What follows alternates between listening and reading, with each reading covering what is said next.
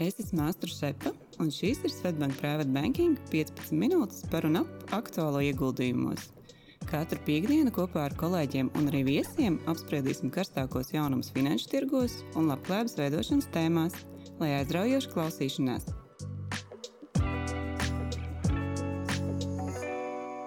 Sveicināti podkāstu klausītāji! Šī ir podkāstu 67. epizode, un šodien, tā teikt, debitējam nebijušā sastāvā.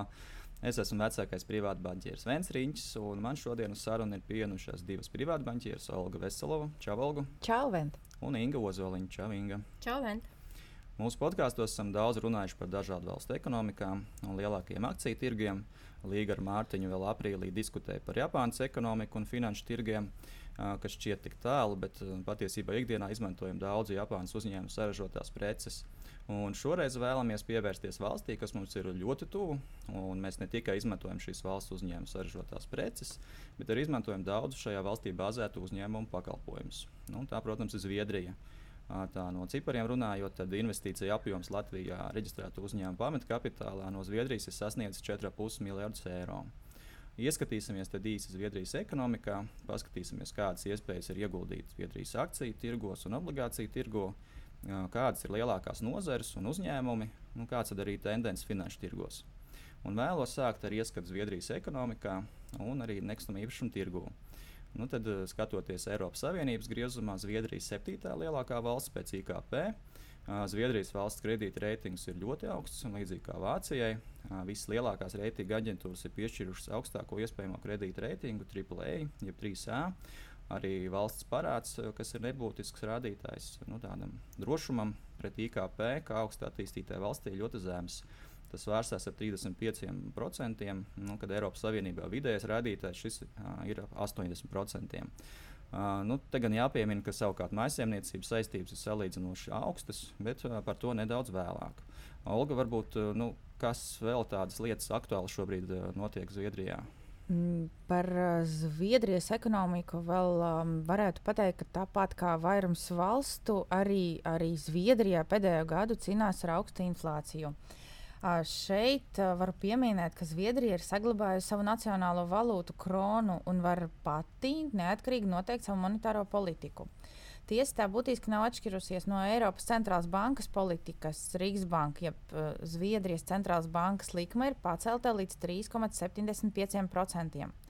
Arī kopumā situācija līdzīga kā citvietā. Inflācija samazinās lēnām, šobrīd tā ir nedaudz virs 6%, bet ļoti noturīga ir pamatinflācija un bezdarba līmenis arī nedaudz pieaug.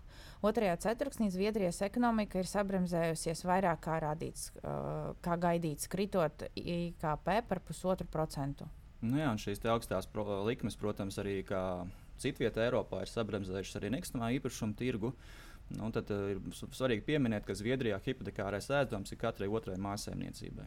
Un šķiet, ka vēl vairāk tikai Nīderlandē.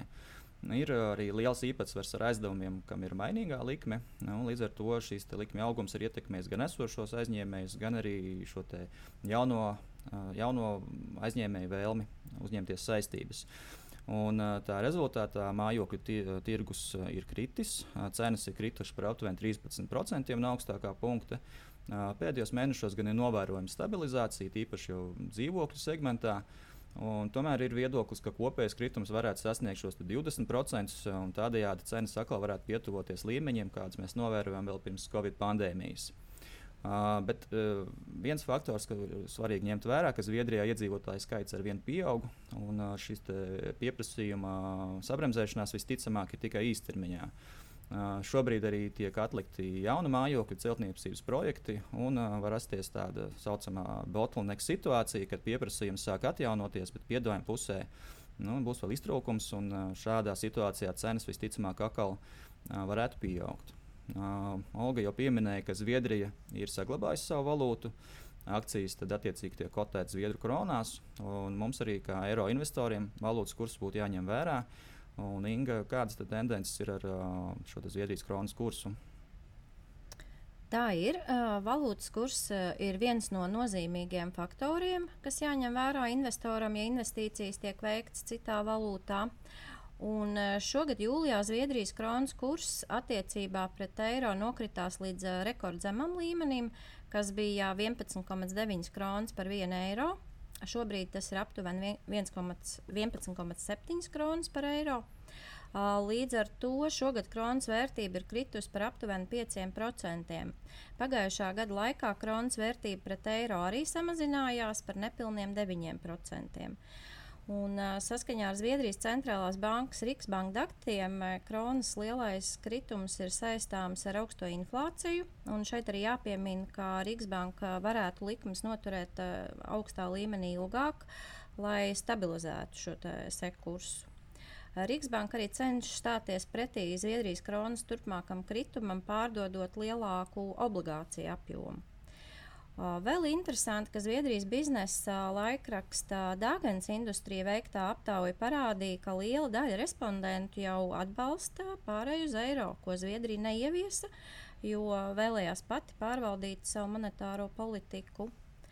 Pēc otrā ceturkšņa rezultātiem tiek prognozēts, ka valsts ekonomika šogad kopumā samazināsies par procentu. Nu, jā, kopumā tie, tie rādītāji nu, nav iepriecinoši un tie ir pārskatīti vairākas reizes. Rīgsbanka visticamāk stāv priekšā grūti lēmumi, nu, kā atrast šo labāko risinājumu starp augsto inflāciju, zemo kronas kursu un arī ekonomikas sabremzēšanos. Uh, nu, protams, mums kā eiro investoriem lētā krona ir nu, laba zīme, bet turpmākās tendences ir atkarīgas no šīs monetārās politikas un arī pēc, no pieprasījuma pēc kronas. Uh, Uh, bet nu, arī jāatzīmē, ka skatoties lielākos uzņēmumus, tie strādā daudzās valstīs, līdz ar to kursu ietekme tiem ir mazāka. Un eksportējušiem uzņēmumiem nu, lēta krona zināmā mērā pat ir izdevīga. Bet, ja pievēršamies jau lielākajiem publiski kotētajiem uzņēmumiem, tad kādas nozares ir plašāk pārstāvētās? Inga, varbūt tu vari padalīties. Viena no plašāk pārstāvētajām lielo uzņēmumu sektoriem ir ražošanas un rūpniecības uzņēmumi, kas ir tuvu 40%. Tātad apstrādes un ražošanas nozare kopumā šobrīd ir diezgan jāsaka labā pozīcijā salīdzinot ar citām nozarēm, jo pēc Rīgsbanka apkopotajiem pēdējiem datiem pieprasījums ir spēcīgs, pasūtījumi ir daudz un ražošanas līmenis saglabājies augsts. Uh, rentabilitāte ražošanas nozares uzņēmumiem kopumā ir laba. Un, kā jau tu vien teici, to pastiprina pat arī vājā zviedru krona, kā arī ir nedaudz nostabilizē, nostabilizējušās ražošanas izmaksas.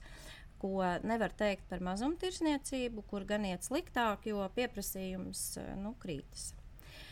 Aktīvākie tādi biržā kotētie uzņēmumi šajā nozarē ir piemēram Volvo AB, Zviedrijas daudzfunkcionāla ražošanas korporācija, tad Atlas Kapko rūpnieciskās ražošanas uzņēmums. Alfa Laval AB, ļoti liela rūpnieciskās ražošanas kompānija, kas specializējas tieši tādu sarežģītu iekārtu ražošanā.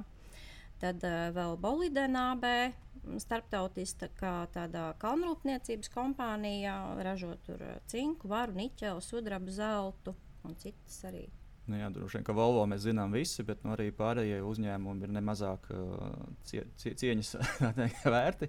Un, Olga, kas, kas kāds nozars vēl mums ir pārstāvēts? Jā, es domāju, ka finanšu sektors arī ir diezgan labi zināms un plaši pārstāvēts. Uh, biržā uh, tie ir nedaudz virs 20% no kopēja uzņēmuma īpatsvārā. Uh, Un kā tādu spilgtāku piemēru, kas man nāk prātā, es varu minēt investoru AB.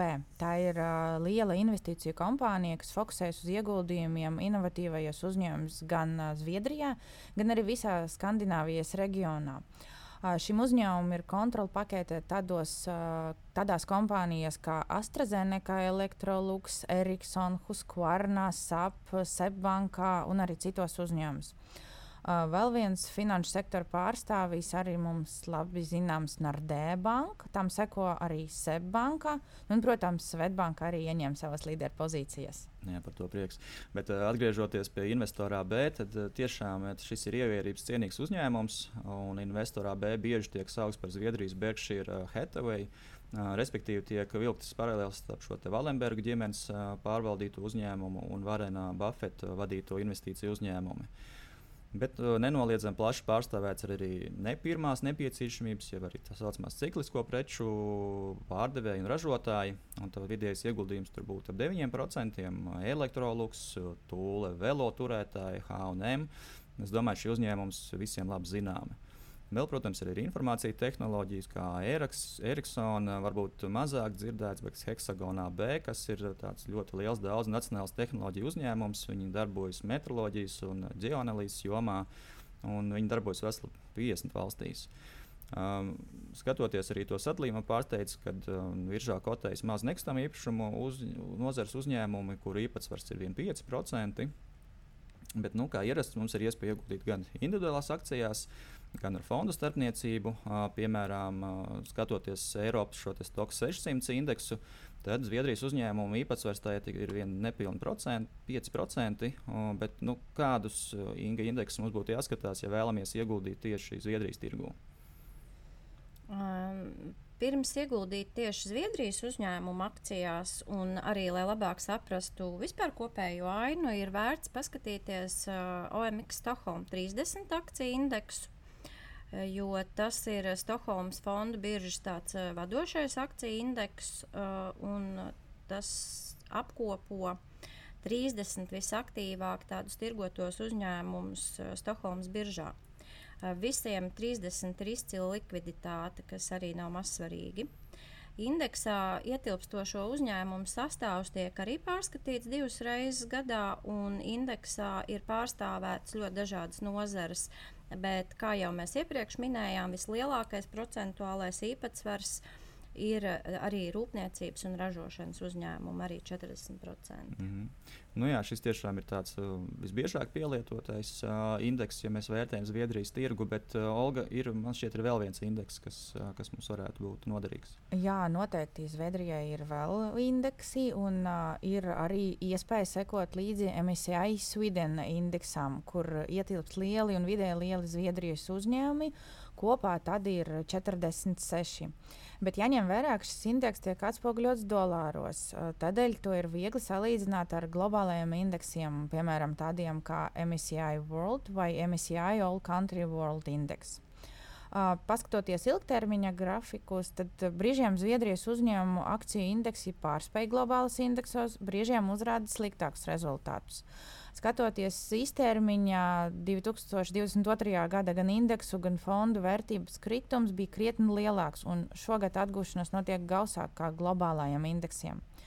Bet tomēr, skatoties uz galvenajiem radītājiem, Zviedrijas akciju indeksiem tie ir labākie nekā globālajiem indeksiem. Uh, Uh, piemēram, MSCI Sweden indeksām PE ratio, jeb um, cenas un peļņas attiecība ir 13,5%, kur globāli MSCI World šis radītājs ir ap uh, 17%. Uh, arī akcijas cenas pret bilances vērtību attiecība ir zemākā.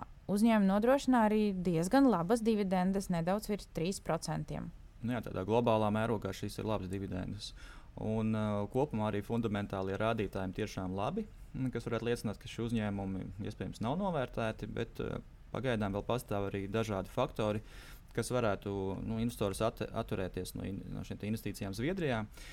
Bet, ja mēs pārējām pie tīri praktiskiem jautājumiem, ja esam nolēmuši veikt ieguldījumus Zviedrijas uzņēmumos, kādas ir mūsu iespējas? Inga, varbūt tu vari pirmā padalīties. Nu, iespēju noteikti ir ļoti daudz, bet uh, viens no tādiem ļoti viegliem veidiem, kā ieguldīt Zviedrijas tirgos, ir iegādāties uh, fondu daļas.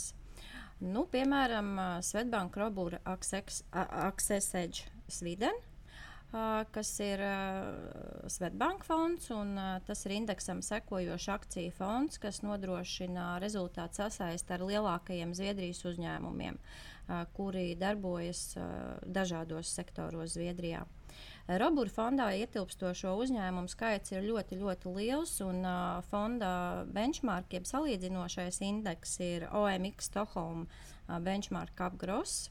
Tas ir indeks, kas seko Stokholmas biržā visvairāk tirgotajiem lielajiem tieši Zviedrijas uzņēmumiem. Uh, nu, jāsaka, ka Zviedrijas Robūra fondā praktiski 90% aktīvu tiek ieguldīti tieši Zviedrijas tirgos, un uh, pārstāvēts ir praktiski visas nozares. lielākā daļa šeit ietilpstošo Zviedrijas uzņēmumu ir starptautiski un ļoti lieli, kas darbojas ne tikai Zviedrijas tirgos, bet visas pasaules tirgos, un līdz ar to ir samērā diversificējuši tirgus riskus. Protams, ka fonda rezultātos atspoguļojas viss, par ko mēs jau iepriekš runājam, saistībā ar pasaulē un Zviedrijas ekonomikās notiekošajām lietām. Nu jā, protams. Uh, nu, mēs esam pieraduši, ka var vienmēr veikt ieguldījumu arī caur ETF-iem, ja biržā tirgotiem fondiem. Kā, kā izskatās šajā pusē ar Zviedriju? Jā, noteikti šeit arī ir tādas iespējas uh, ieguldīt uh, ETF. Uh, tiesa gan piedāvāto ETF klases uh, šī joma ir samērā maz. Bet, ja izdodas atrast savu vēlamo fondu, tad to var pievienot fondu sarakstam caur savu internetbanku vai arī griežoties pie sava privātbankiera. Uh, Fonds tiks pievienots sarakstam vienas, divu dienu laikā, ja ir uh, atbilstošai, atbilstošais informatīvais fonda apraksts. Angliski tas ir KIT, Key Information Document. Un daudz investori kā alternatīvu ETF ieguldījumiem izmanto investīcijas jau pieminētajā investorā B uzņēmumā. Jā, es pat esmu redzējis atsevišķus rakstus, kurš šos uzņēmumus salīdzina ar uh, ETF sniegumu. Un, un, un nereti investorā B sniegums ir labāks arī kā indeksiem. Uh, Uh, nu, protams, tātad mums jā, ir iespēja ieguldīt atsevišķos uzņēmumos uh, pēc saviem ieskatiem. Un ņemot vērā, ka Zviedrija ir Svetbanka mājas tirgus, gan daudz informācijas var atrast arī mūsu bankas mājaslapās. Ja, tad uh, reizi ceturksnī kolēģi sadarbībā ar Kepler Chevrolet gatavo arī akciju ideju sarakstu ar jau tādu ļoti padziļinātu uzņēmumu analīzi, un tajā skaitā arī Zviedrijas uzņēmumiem. Un, ja vēlaties tādu saņemt, tad jautājiet savam privātbanķieriem. Uh, Savukārt, ja esat eh, konservatīvs ieguldītājs un jums ir lielāka uzkrājuma Zviedru koronās, ir iespēja ieguldīt arī Zviedrijas valsts obligācijās. Nu, piemēram, šobrīd obligācijas ar vienu, divu gadu termiņu ienesīgums līdz zešanai ir nedaudz virs 3%. Atgādina, ka arī šie ienākumi no Eiropas Savienības valstu obligācijām neaplieks ar iedzīvotāju ienākumu nodokli. Un, eh, nu, attiecīgi, šeit gan ir kaut kāds sagatavošanās darbs jāveic pirms obligāciju iegādes, tad arī sazināties ar bankas pārstāvi. Protams, katram pašam ir jāizvērtē, vai un kad ieguldīt, bet domāju, šodienas podkāsts dos ieskatu vēl jaunām potenciālām ieguldījuma idejām. Ingo Nolga, paldies jums par šodienas sarunu. Izbaudām atlikušos vasaras mēnešus un tiekamies nākamajos podkāstos. Paldies! Paldies! Paldies. Tā. Tā. Tā. Audio saturā dzirdētā informācija nav uzskatāms par ieguldījumu konsultāciju vai ieteikumu slēgt finanšu tirgus darījumus vai ieguldīt finanšu instrumentos. Paldies, ka klausījāties! Lai izdevusies diena un uz tikšanos nākamajā sarunā!